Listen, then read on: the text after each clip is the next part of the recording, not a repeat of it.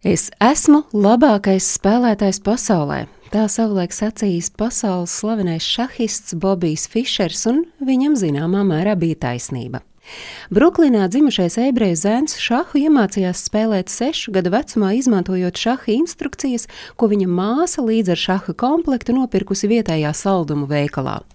Sākotnēji Fišers neizcēlās kā šaha brīnumbērns, taču spēle ātri pārņēma viņa prātu un uzmanību, un viņš sāka spēlēt līdz pat 14 stundām diennaktī.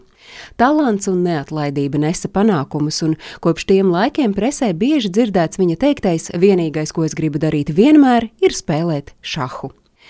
Pirmo triumfu Bobijs Fišers piedzīvoja 14 gadu vecumā, 1958. gada 8. janvārī kļūstot par jaunāko šaha čempionu ASV vēsturē, un neilgi pēc tam viņš kļuva par jaunāko lielmeistaru visā šaha vēsturē.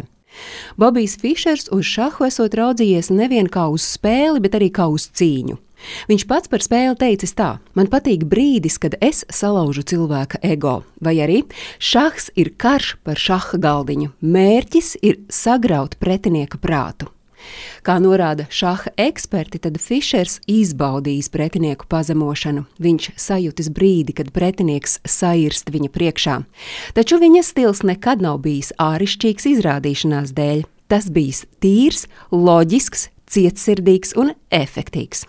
Tajā nebija nekā ornamentāla. Dažkārt tas bija skaists, elegants un harmonisks, taču viņš nemēģināja pie šaha galdiņa izpatikt skatītāju masām. Viņš spēlēja, lai vinnētu spēli. Tā Bobiju Fišeru savulaik raksturojas BBC šaha eksperts Deivids Edmonds. Laikā no 1962. līdz 1972. gadam pasaules čempionāta mačos viņš uzvarējis katru turnīru un maču, kurā piedalījies. Izņemot divus. Un pirmais šahists, kurš uzvarēja Fischeru ASV šaha čempionāta turnīrā, bija latviešu izcelsmes, amerikāņu lielmeistars Edmārs Mednis, kurš vēlāk uzrakstīja grāmatu Kā vinnēt Bobiju Fischeru. Visspilgtāk Fišers palicis atmiņā pēc tam, kad viņam izdevās pārtraukt padomju šahistu dominanti pasaules čempionātos, un tas notika 1972. gadā pieveicot starptautisko šaha lielmeistaru Borisu Spaski turnīrā Islandē. Un Īslande, pateicībā par pasaules uzmanību, ko šis izcilais šaha gladiators paveica, piešķīra viņam pilsonību. Tā bija uzvara, ko rietumu pasaule tulkoja kā sava veida augstā kara uzvaru, jo Padomju Savienība bija investējusi milzīgus resursus šaha nozarē, uzskatot to par savu zīmolu.